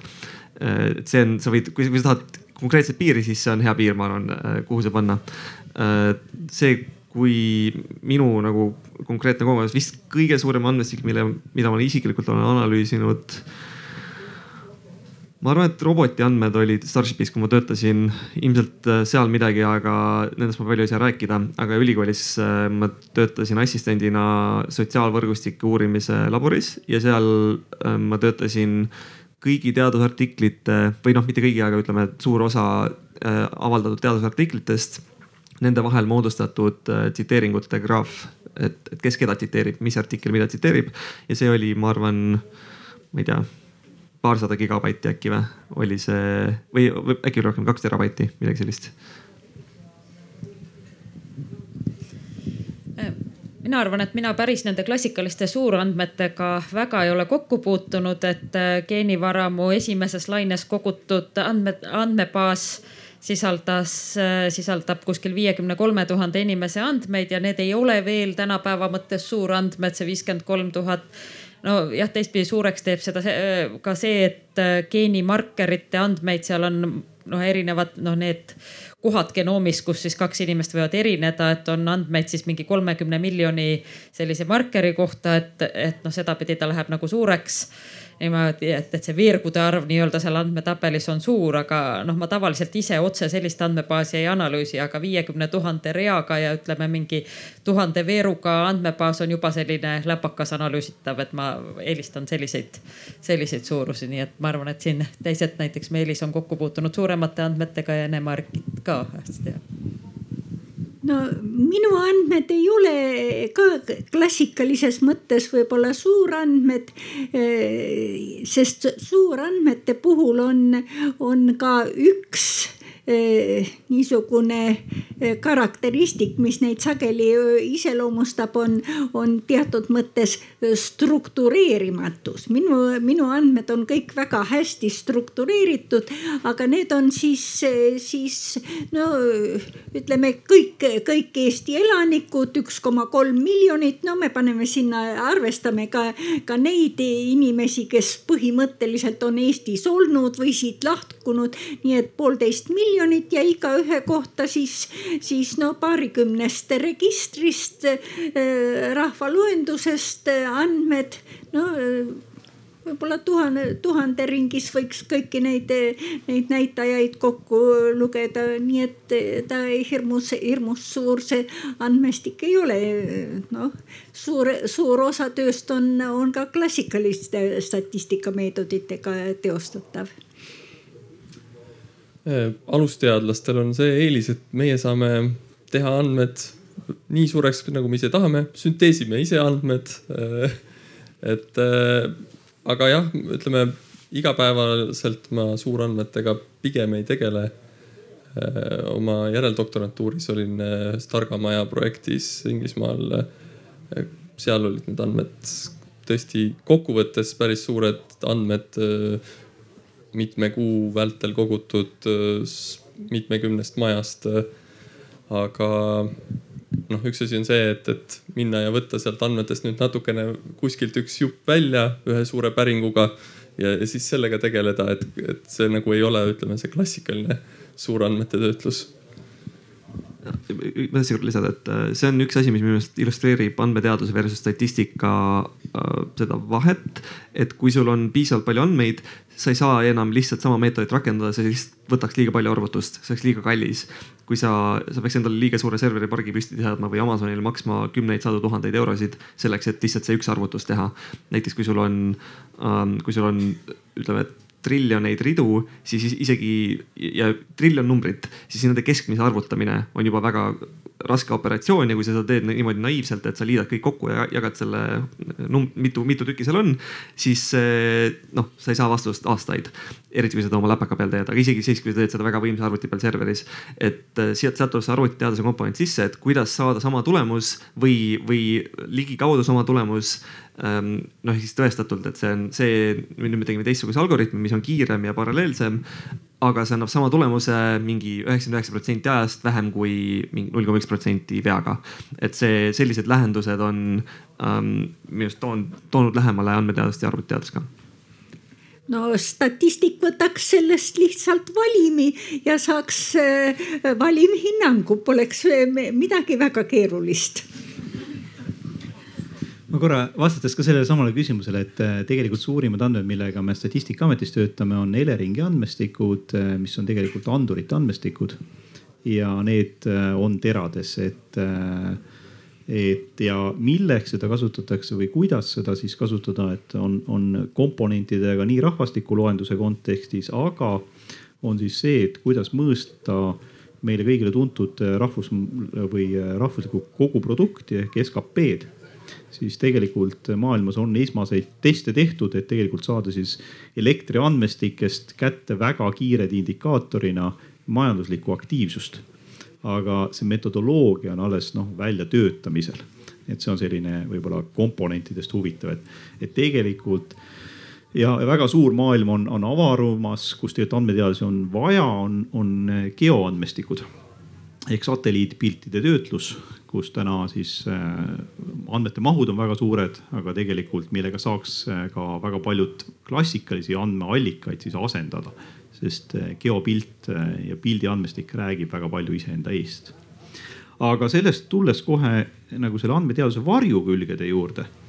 et mis teie arvates on nagu see, mis siis nagu on noh, selles töös kõige suurem takistus? et kas on see, et andmeid ei ole kas on, no ärge ainult öelge seda, et inimesi pole, et seda nagu see vastus tuleb igal juhul kohe, et, et mis on need muud tegurid peale selle, et meil ei ole neid inimesi nii, no kindlasti teadus vajab metoodikat. praegu on andmeteaduses nii-öelda erinevate teadusvaldkondade metoodikad, mida rakendatakse, aga ilmselt on, on kõikide ülesannete lahendamise puhul ka lünki ja mina näen, et üks kõige olulisemaid lünki on just nimelt suurandmete puhul saadavate tulemuste usaldusväärsuse hindamine, sest statistikud on väga harjunud sellega, et iga tulemuse puhul öeldakse ka seda, kui suure tõenäosusega on tegemist õige ja kui suure tõenäosusega eksliku tulemusega, kui suur see võimalik viga või nihe on, aga suurandmete puhul mina ei tea, et oleks olemas niisugust täiesti hästi töötavat metoodikat, mis seda ülesannet suudaks lahendada. no kasvõi võtame näiteks, näiteks eh, needsamad mobiilandmed aga see valim ei ole ju esindav, igalühel ei ole mobiili taskus. tähendab, meie ei saa teha päris usaldusväärseid eh, järeldusi inimeste liikumise kohta mobiili info põhjal, sest me ei tea, kui suurel osal inimestest tegelikult mobiil on taskus ja ka kuivõrd on see nii-öelda vastavusse viidav inimestega. nii et niisugused metoodika lahendused on tarvis veel välja töötada, et me saaksime tõesti ka suurandmete puhul rääkida tulemuste usaldusväärsusest üks samm sinna suunas, mida tehakse, et kui on väga suured andmekogused ja uued algoritmid, millega neid analüüsitakse, mis annavad ligikaudse tulemuse. Üks selline naljakas tõestuse tüüp või et kuidas tõestada, et mingi algoritm annab enam-vähem õige tulemuse, on probably approximately correct äh, tulemus ehk siis eesti keeles mingi tõenäoliselt enam-vähem õige, mis kõlab väga halvasti, aga see ongi täpselt see, et äh, üheksakümmend üheksa protsenti ajast sellise veamarginaaliga äh, on, on tulemus, ütleme, tulemus on selle veamarginaali sees ja see on põhimõtteliselt parim garantii, mis seal saab anda selle, selliste algoritmide jaoks. Äh, ja see on noh, ma arvan, et see on, see on juba sinna suunas või natuke aitab sellega, et äh, mitte me lihtsalt arvutame numbri ja siis võtame seda kui tõe pähe, vaid me saame enam-vähem mingisuguse äh, usaldushinnangu selle, selle jaoks. teine asi, mis see originaalsele küsimusele vastates, et mis takistab andmeteaduse tegemist noh, inimesed kindlasti, aga asjad, mis, mis ei takista, on arvutusvõimsus. Amazonist ostad kolm eurot tund äh, graafikakaardi arvutust või ükskõik, mis arvutust sa tahad, see on täiesti äh, commodity, ma ei tea, mis eesti keeles on. aga noh, üks, ükskõik kust saad täpselt sama asja või ostad ise arvuti ja, ja paned selle püsti ähm, aga kõige suurem osa ja algoritmid samamoodi tegelikult, et internetist noh, kasvõi kopeerid koodi ja tavaliselt algoritmiline ähm,, kuidas öelda, edasisammud selles, et kuidas mingit probleemi lahendada, et mis see algoritm on, mis seda lahendab, ei ole need, mis annavad kõige suuremat võitu, vähemalt meie probleemide peal. kõige suurem võit tuleb sellest, et me paneme kokku hea andmestiku märgendame seda õigesti, teame, mida üldse on vaja märgendada, sõnastame oma probleemi õigesti ja äh, nagu ma enne ütlesin, tööriistad selleks on väga-väga nõrgad täna. see võtab väga palju inimtööjõudu, kui mul on äh, kümme tuhat pilti ja ma tahan teada igaühe jaoks, kas seal on kass või koer, ma ei tea, siis mis mu variandid on, ma palkan Eestisse inimese seda tegema, mis, mis on suhteliselt kallis, ma võin selle saata äh, ütleme, palgata mingisuguse välismaa firma, kes, kes teeb seda Nepaalis või Aafrikas. Äh, see ei ole ka väga palju odavam ja siis sealt tekib see andmete lekke risk, et ähm, ja, ja see tegelikult maksab ka päris palju, per pilt on noh kümneid sente, kuni sõltub, kui keerulist probleemi lahendada, aga eh, kui sa tahad miljon pilti ära märgendada, võib vabalt olla sada tuhat eurot selle hind ja see ei ole, see peab olema väga selgelt äriliselt põhjendatud, miks seda teha. Eh, seega andmete märgendamine, andmete, andmestike kokkupanemine, see on kõige raskem osa ja noh, ma arvan, et see ei ole midagi uut selles mõttes, ega see on klassikalise statistika puhul samamoodi, et hea andmestiku pealt suudab noh, peaaegu igaüks võib-olla teha mingit analüüsi sa keelasid küll ära öelda, et, et inimeste puudus on, aga kui uus õppeaasta on algamas ja vaja, parasjagu vaja praktikumi juhendajaid leida, siis, siis see on liiga valus, et sellest, seda mitte mainida. aga noh, ütleme väike andmete puudujääk võib alati olla, et, et kui on alusteadlasena minu töö on valdavalt uute algoritmide, uute analüüsimeetodite loomine. ja noh, mina konkreetsemalt töötan masinõppes kalibreerimise teemaga, mis on see, et, et kuidas teha nii, et, et, et tark arvutisüsteem saab aru ka sellest, et mida ta ei tea, saab aru oma teadmiste piiridest, oskab hin hinnata riske, et ta ei oleks liiga enesekindel. Äh, noh, isejuhtiva auto puhul täiesti primaarne omadus, et, et noh olete, olete kindlasti paljud äh, autojuhina sattunud udus sõitma ja, ja peate siis otsustama, et kas ees on takistus või ei ole ees takistust või kuhu poole pöörata. Äh, ja, ja selle otsuse tegemine kõlab nagu jah-ei, nagu piltide pealt öelda kass-koer. Aga kui algoritm lihtsalt ütleb, et äh, on takistus, ei ole takistust, siis ja alati, kui algoritm ütleb, et ei ole takistust, siis, siis võib sõita, onju üheksakümnega täiskiirusega. aga reaalselt äh, see enesekindluse informatsioon on seal väga oluline, sest masinõppe algoritmid vähemalt sellisena, nagu nad praegu töötavad, alati võivad eksida ja nagu inimesedki. tappa inimesi, ma saan aru nagu jah, ka, ka seda on kahjuks ette tulnud, äh, mitte küll otseselt vist masinõppe süül, aga jah, et ähm, ühesõnaga, kuidas luua selliseid turvalisi süsteeme ja selle jaoks on alati andmeid vaja rohkem, mida rohkem, seda parem. ja noh, tehis, isejuhtivate autode puhul eh, üks asi, mis teeb eh, raskeks nende laialt rakendamise, on see, et alati esineb nii totraid juhtumeid maailmas. Eh, selles mõttes, et liikluses isegi kui sa oled sadu tunde sõitnud, siis ala, ikka võib juhtuda midagi, mida sa ei ole kunagi näinud ja, ja sellele reageerimine on see, mis on keeruline ja selle jaoks on vaja lihtsalt andmeid ja andmeid ja andmeid äh, üks asi, mida veel ei ole siin eelkõnelejad maininud, on see, et kui me nüüd statistikute ja andmeteadlastena, eks ju, pakume siin mingisuguseid lahendusi ja leiame midagi andmete abil, et see lahendus koosneb alati kahest osast. üks osa on see seose muster, ütleme, mis me mingisuguses andmebaasis leiame, no näiteks seal geeniandmetes, et näeme, et mingi geenivariant on seotud inimese elueaga, et kellel on see geen ühtepidi, et need kipuvad elama vähem kui need, kellel on seal nagu teistsugune variant see on nagu pool lugu, teine pool loost on, on just see lugu sealjuures, et miks see nii on, see seletus, et, et kas me saame öelda, et see on nüüd see eluea geen, mis panebki meid kauem või vähem elama, et see ongi geneetiline ja midagi pole teha. Või on see seletus, et tegelikult need, kellel see geen on nagu ühtepidi, need kipuvad nagu suurema tõenäosusega jääma nikotiinist sõltuvusse ja suitsetavad kõvasti ja tänu sellele saavad kergemini mingeid haigusi, haiguse, mis neid hauda viib. või ikkagi tegelikult see geen mõjutab otse seda kalduvust mingit haigust saada.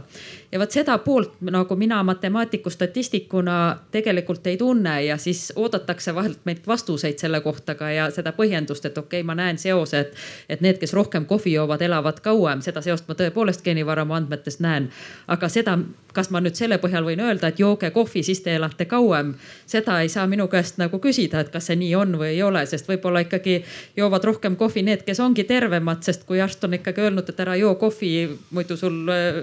ikkagi vererõhk läheb üles, no siis need inimesed ei joo, nii et, äh, et jah, et, et võib-olla ja just seda põhjuslikkust ja seda lugu sinna juurde ja seda eksperdi teadmist, et, et seda on ka alati vaja ja, ja vahel nagu jääb see poolikuks.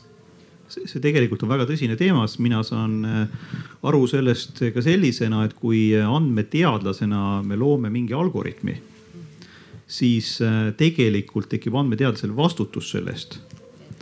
Ja, ja noh, et selle vastutuse teadvustamine kui selline ei ole meil ühiskonnas väga kaugele jõudnud ja tegelikult ei ole ka selle äh, noh, ütleme siis äh, vale algoritmi kirjutamise vastutuse nagu mõjudest ka räägitud, et noh, et mis siis juhtub nagu selle teadlasega, kes selle algoritmi on kirjutanud, sealhulgas ka masinõppeva algoritmi nagu. et ma kardan, et see on järgmiste arvamusfestivalide tõsine teemakoht vist või on, on selliseid vastuarvamusi no see on just nimelt see usaldusväärsus, see, mille kohta ma ütlesin, et, et nii-öelda klassikalise statistika puhul on metoodika välja töötatud, kuidas saab öelda, öelda, et mudel on usaldusväärne või, või ravimi kontrollimisel öelda, et, et üks hiir sajast suri ära, et järelikult ta ei ole küllalt hea, et peab veel puhastama või midagi niisugust. aga samasugune peaks olema siis see, see mudelite usaldusväärsuste ja otsustuste tõekindluse määramine ka suurandmete puhul. aga see on just see, milles suunas tuleb edasi töötada huvitav on see, et mitte keegi, ükski teadlane ei maininud, et andmetest oleks puudus nagu, et noh, et nagu ma saan aru, et andmete koha peal on meil nagu uputus nagu hetkel, et et aga miks, ma, ma saan aru, et ka ülikooli, Tartu Ülikoolil on väga palju andmeid. et kas need kuidagi avaandmetena kättesaadavaks ka tehakse või kuidas lood on? selle peale pandi muusika, huvitav kohe mina saan ainult rääkida geenivaramu andmetest, et noh, loomulikult, et me peame mõtlema andmekaitsele ja inimese isikuandmete kaitsele, et me ei saa kuidagi nagu geenivaramu äh, kogu andmebaasi, kus siiski on võimalik, äh, kui inim-, noh vähemalt mõned inimesed võib sealt võib-olla ära tunda, kes on ühes või teises, kui sa juhtumisi tead, ma ei tea, inimest, kellel on kaksteist last ja ta elab just selles külas ja, ja on nii vana, et, et siis tõepoolest jah, sa saad näha sealt, et me ei saa neid kuidagi avalikuks teha, sest see nagu rikuks privaatsust. et seal tuleb leida kesktee, et, et mingeid koondandmeid, et loomulikult, et see, need teadustulemused, mis me oleme teinud, saavutanud, saanud tänu nendele andmetele, et need on avalikud, need on publitseeritud ja me üritame neid rohkem rohkemgi nagu avalikkusele kommunikeerida mõningate teiste andmete puhul tõenäoliselt on lihtsam neid kätte saada ja maailmas on ka palju avaandmeid, et võib-olla oskavad teised kommenteerida paremini neid asju, et. no alusteadlasena, valdavalt alusteadlasena meie kasutame teiste andmeid, nii et me ise andmeid ei loo ja siis on ka selge, et, et me ei saa neid ka jagada rohkem kui, kui need andmete loojad seda on ette näinud no ma tean, et on olemas sotsiaalteadlaste andmebaas, kus on kokku korjatud eh, terve pika aja jooksul tehtud sotsiaaluuringute andmed ma ei oska öelda, kuidas selle kasutamise võimalused on, aga, aga niisugune, niisugune andmebaas tõesti eksisteerib. Veriff teeb ka järsku oma andmed kuidagi avalikuks ei.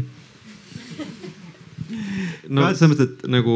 ma väga hea meelega teeksin seda ja väga hea meelega teeks ülikoolidega ja äh, akadeemiaga koostööd selle osas, miks mitte riigiga, kui, kui see oleks põnev. aga need andmed, mis meile usaldatakse, on ülimalt privaatse iseloomuga inimeste dokumentide ja nägude andmed ja äh, noh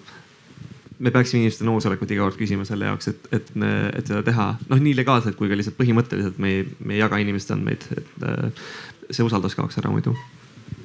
eks vist ongi see küsimus, et noh, milliseid andmeid saab teha üldse nii avalikuks, et me ei rikuks inimeste privaatsust, et jah, mingite uuringute andmed, mis on nagu piisavalt hästi anonüümiseeritud, on kättesaadaval ja samuti tegelikult isegi geenivaramu andmeid saavad teadlased kasutada, kui nad täidavad ära kogu vajaliku nii-öelda bürokraatia vormid, põhjendavad ära, neil on eetikakomitee nõusolekud, miks nad tohivad seda küsimust uurida, aga siis nad saavad täpselt ainult need andmed, mida neil oma uurimisküsimuse jaoks vaja on, et ja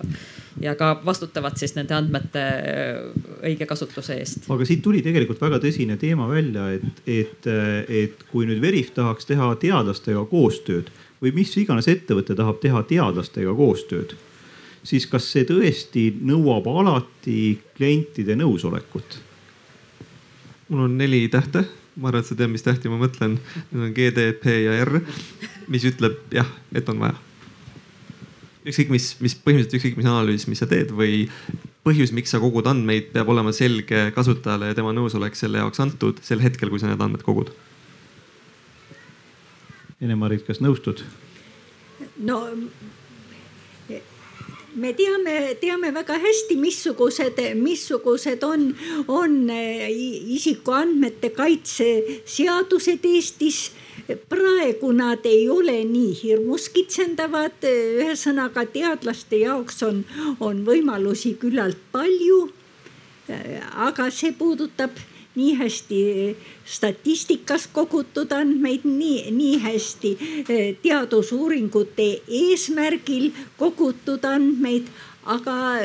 ilmselt mitte kõiki kogutavaid andmeid. ma tegelikult ei läheks GDPR-i, sest see on jälle omaette pikk teema, aga tegeliku ettevõtluse kontekstis ma võin öelda nii palju, et GDPR-is on väga olulised erisused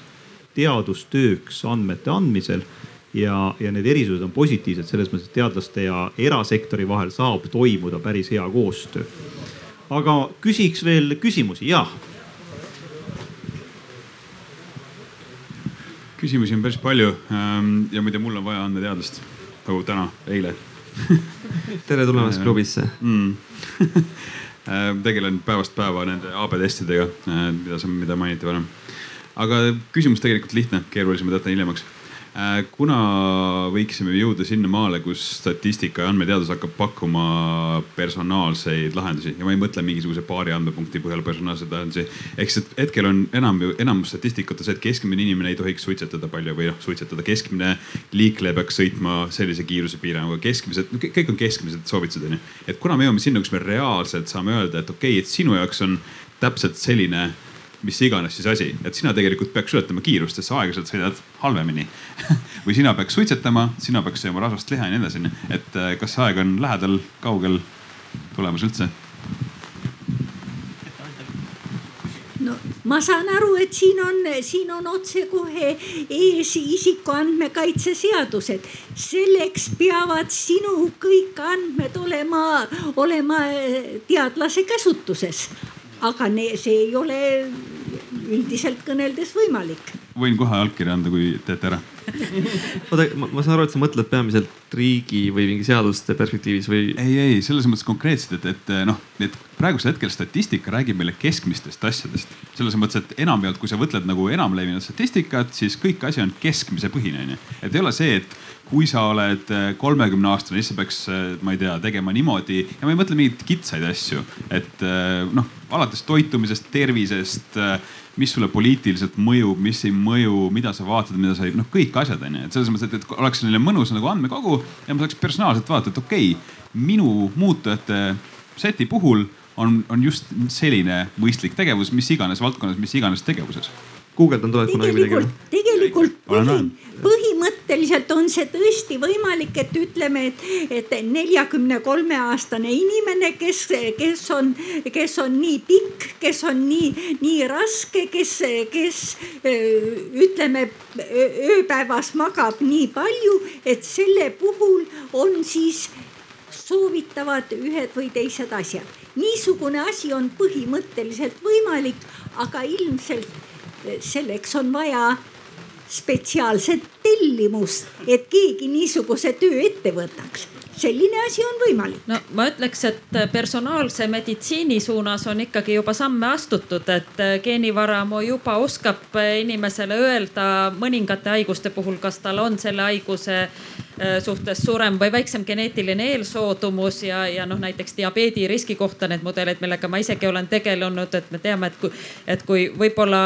keskmisel inimesel olla nagu viis kilo üle selle soovitusliku äh, kehakaalu normi ei ole nagu nii väga ohtlik ja suurt ei mõjuta midagi, aga siis, kui sellele, sellega kaasneb kõrge geneetiline risk diabeedile, siis juba on ohtlik ja, ja seda infot tegelikult juba saame anda, nii et äh, selles suunas vähemalt meditsiini poole pealt küll liigutakse ka muudes valdkondades kohad, kus seda juba tehakse, võib-olla mitte nendes eluvaldkondades, kus sa tahaksid, aga Amazon teeb seda, Netflix teeb seda, Google teeb seda, kõik tulemused, kui sa otsid, on personaliseeritud, äh, soovitused on personaliseeritud, et need on juba kümme aastat võib-olla olnud, et aga sa mõtled ilmselt midagi rohkem tervise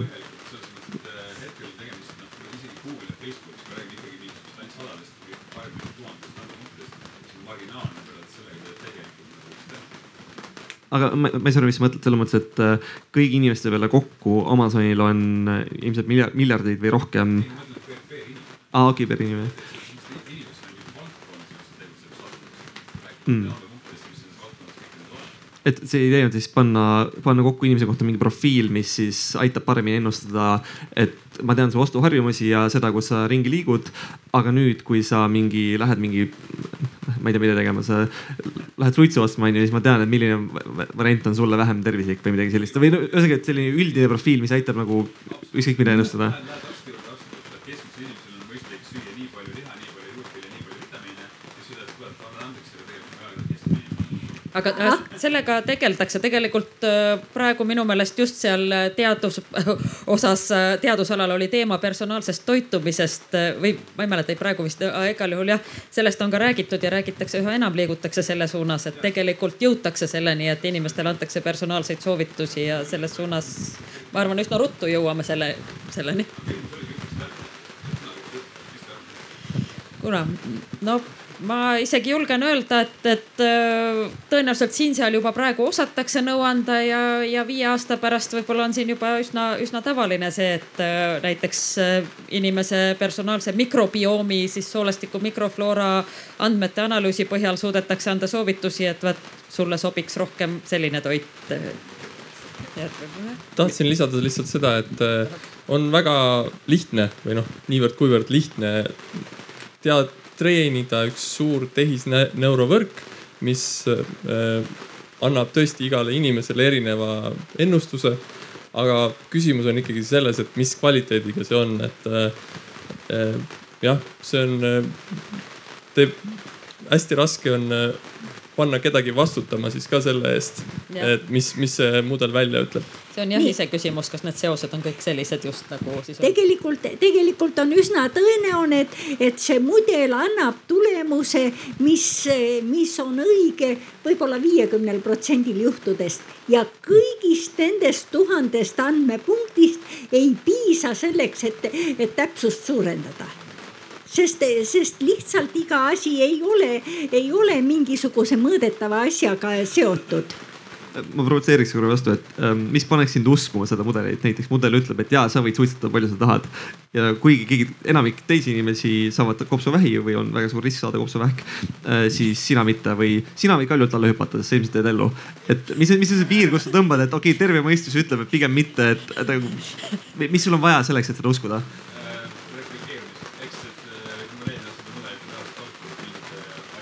teiste inimeste peale töötab põhimõtteliselt mm.. ja ma korra lihtsalt kaks kiiret repliiki, üks on see, et mina isiklikult usun, et need äh, ravimid ehk nagu personaliseeritud äh, tablett noh, on saadaval vähemalt viie aasta pärast. Mhm. et, äh, et mitte noh, igaüks võtab, üks võtab aspiriini ja siis võtad paratsetamooli ja noh, et nagu eraldi, vaid sul on personaliseeritud tabletid. teine asi, lihtsalt lõbus juhtum juhtus see, et kui me tegime andmehäkatoni ehk visualiseerimise siin kevadel Statistikaametiga, siis, siis äh, me, üks visualiseerimise lahend oli see, et äh, pakuti välja tööriist inimestele, kuidas nad saaksid oma eluiga pikendada ja kahjuks see tööriist, me ei pannud seda üles, et, et see tööriist näitas seda, et kõik peaksid Ida-Virumaalt ära kolima. et äh, need, kes Ida-Virumaal elavad, nende eluaeg on noh, nagu lihtsalt lühem, eks ole, ja siis seal olid veel selliseid noh aspekte, mis nagu oleks äh, noh regionaalarengusse mõjunud väga katastroofselt. oota, aga mis sai sellest, et andmeteadlane peaks olema neutraalne just nimelt, aga annan edasi küsimuseks. võib-olla Äh, personaal, personaliseeritud soovituste kohta, et mina võib-olla näiteks toitumises oleksin hästi skeptiline, et viie aastaga midagi juhtub, mitte sellepärast, et meil ei ole,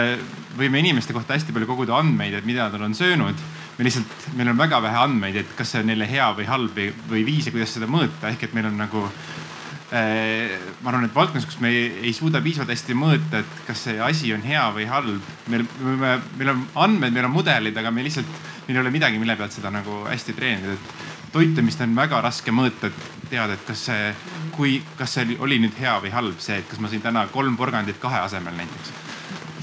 Nojah, midagi sellest mikrobiomi valdkonnast ju juba teatakse, aga jah, ma olen selles suhtes nõus, et ma arvan, et selliseid lahendusi hakatakse kindlasti viie aasta jooksul pakkuma. aga kui palju nendest lahendustest siis jälle järgmise viie aasta jooksul pea peale pööratakse, see on ka iseküsimus, et sest tõepoolest just, mis ma enne ka mainisin, et see põhjuslikkus, see, miks me mingeid seoseid andmetes näeme, mille abil see on seletatav, et see on palju keerulisem kui selle seose enda leidmine matemaatiliste meetodite abil. ja, ja seal on vaja tõesti väga mitmete teadlaste koostööd ja just neid ideid, et aga vaata äkki tuleb see hoopis sellest ja siis me vaatame, katsume kuidagi välja mõelda, kuidas me hoopis seda asja saaksime uurida. Ma arvan, et, et pigem on, on see soovitus nii, et, et mitte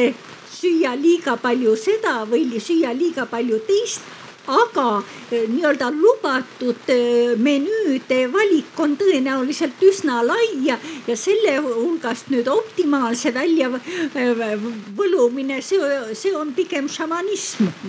Ma küsiks veel negatiivse poole osas juurde, et me juba käsitlesime, et teatavaid puudejääk, puudujääke, mis andme, andmeteadusega seoses võib esile kerkinud, me rääkisime, et äh, autode, isesõitvate autode ennustused on mõnikord äh, jaburates olukordades põhjustanud õnnetusi ja me teame, et, et on ka põhjustanud surmavaid äh, õnnetusi. teiselt poolt me teame ka viimase Ameerika Ühendriikide valimiste puhul, kuidas kasutati Facebooki, Facebooki ära inimeste meelsuse kujundamiseks ühe või teise partei poolt või vastu hääletamiseks ja noh, teadlasena me peamegi nii-öelda neutraalsed olema, plusse ja miinuseid äh, kaaluma. plusse me oleme täna väga palju rääkinud. kas te saate veel näiteid tuua, et, et kus on äh, mingeid eredaid näiteid, kus on midagi nagu jamasti läinud tänu, tänu andmete analüüsimisele? kogu Facebook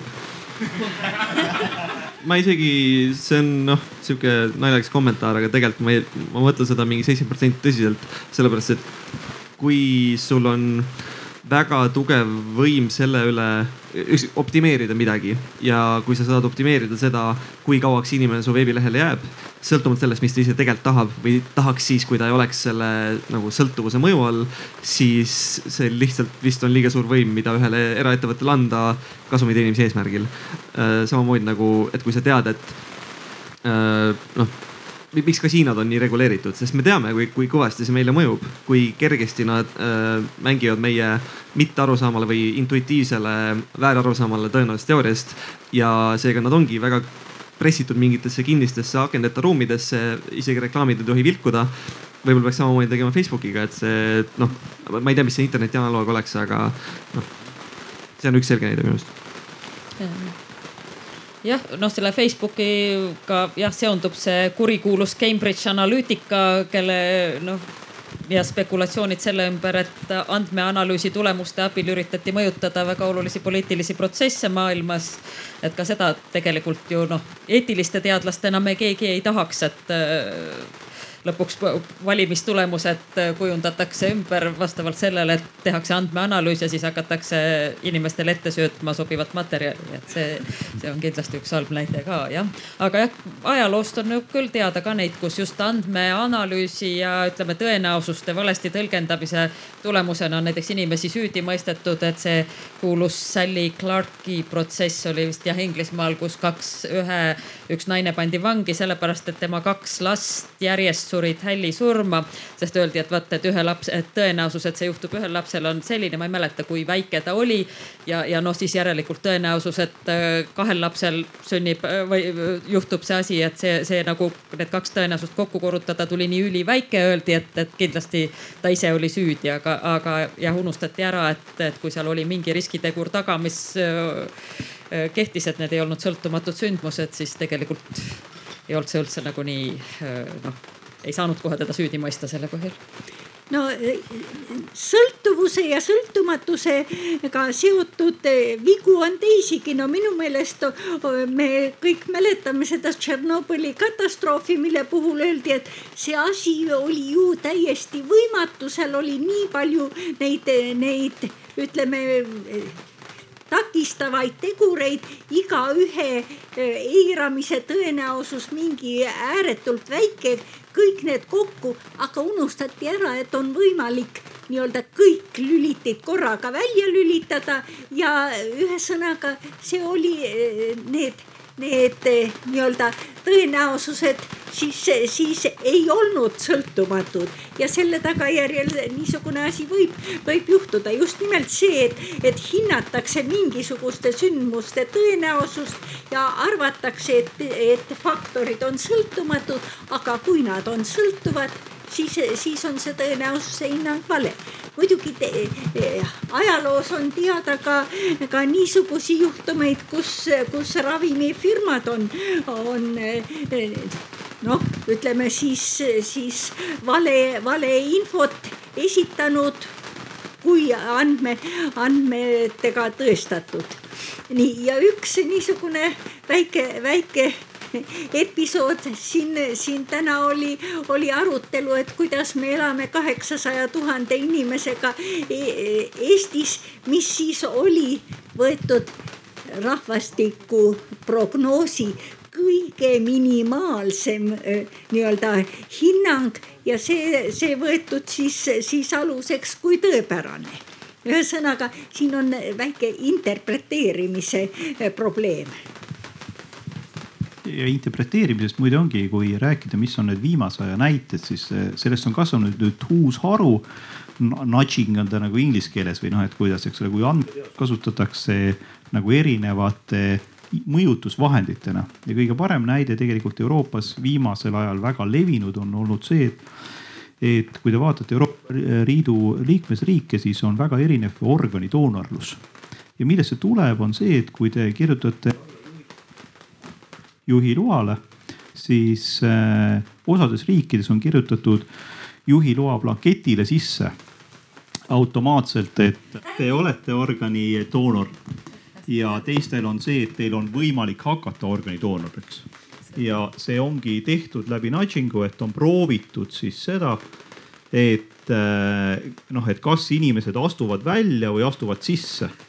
ja, ja väga suur, drastilised vahed on Euroopa Liidu liikmesriikides. kusjuures kõige drastilisem vahe oli, oli Prantsusmaa, Hollandi vahel, et üks oli kaheksakümmend protsenti olid sees, kakskümmend ja teisel oli kakskümmend protsenti, nad on väga noh lähedased oma kultuuriruumilt ja, ja seda tehakse ja aina rohkem, et, et sa ei tea enam, kas sa astud välja või sa astud sisse. sest see nudging'u tulemusena on mõjutatud see sõnastus selliselt, et sa oled juba sellest teemast sees nii, aga meil on ametliku osa, peame siit hakkama kokku tõmbama. et äh, ma veel lõppsõnaks annaks äh, kõigile ühe sellise lõpulause repliigi võimaluse. et äh, noh, et nüüd on see nõidumise või võlumise koht, et te võite nüüd andmeteaduse mõttes siis öelda, et noh, mis või kuhu siis see andmeteadus nüüd edasi läheb Ene-Marit? No andmeteadus seostub väga paljude valdkondadega ja hakkab tulevikus meie elule järjest rohkem mõju avaldama. inimesed ohverdavad privaatsust põhimõtteliselt meelega selleks, et saada mugavamaid teenuseid äh, mõnikord ka sellepärast neil ei ole valikut nagu Hiinas. aga noh, Facebook, sul on toredam lugeda uudiseid, mis on, mis on kuidagi meeldivamad sulle või sa loed neid kauem. ja sa eelistad platvormi, mis sulle näitab selliseid uudiseid, mis on Facebook versus mingisugune, ma ei tea, Twitter, mille algoritm on halvem. ja mu ennustus on see, et see, see ei ole noh, kui me ühiskonnana mõtleksime selle üle, kas me tahame seda, seda vahetuskaupa teha või noh, vahet ei ole, mis see tulemus oleks, me lihtsalt ei mõtle selle peale. et kas me, kas me tahame selle privaatsus versus mugavus, et kuhu see piir tõmmata ja mida et, aeg edasi, seda mõnes mõttes me võib-olla vähem paneme juba tähele, et, et kuidas on erinevad asjad kõik ära automatiseeritud, et äh, eks andmeteaduse äh, üks osa on, on just see automatiseerimine ja ilmselt see on jah, ühest küljest me märkame seda vähem paljudes valdkondades, mõnes teises valdkonnas muidugi järjest rohkem, et, et kui autod juhivad ise, siis on see ilmselt kohe väga märgata. Äh, noh, mina tahaks loota, et see andmeteaduse haridus jõuaks ka nagu noh, mitte ainult, et ülikooli, vaid siiski ka juba gümnaasiumisse, võib-olla ka põhikooli. et inimesed hakkaksid rohkem otsima nagu just sellist tõenduspõhist ja andmete abil äh, tõestust ja toetust leitud infot ja, ja võib-olla aitab see andmeteadus ka selliste libauudiste ja, ja valefaktide leviku vastu, et, et noh, see oleks ka kindlasti vähemalt üks neist lisaks ka eelpool mainitud asjadele, mis võiks, võiks edasi juhtuda. aitäh, tundub, et meie rahvastiku siiski vähenemise tingimustes see andmeteadus on üks meie võimalik päästetee, nii et veel kord aitäh teile ja edu teie töös, aitäh.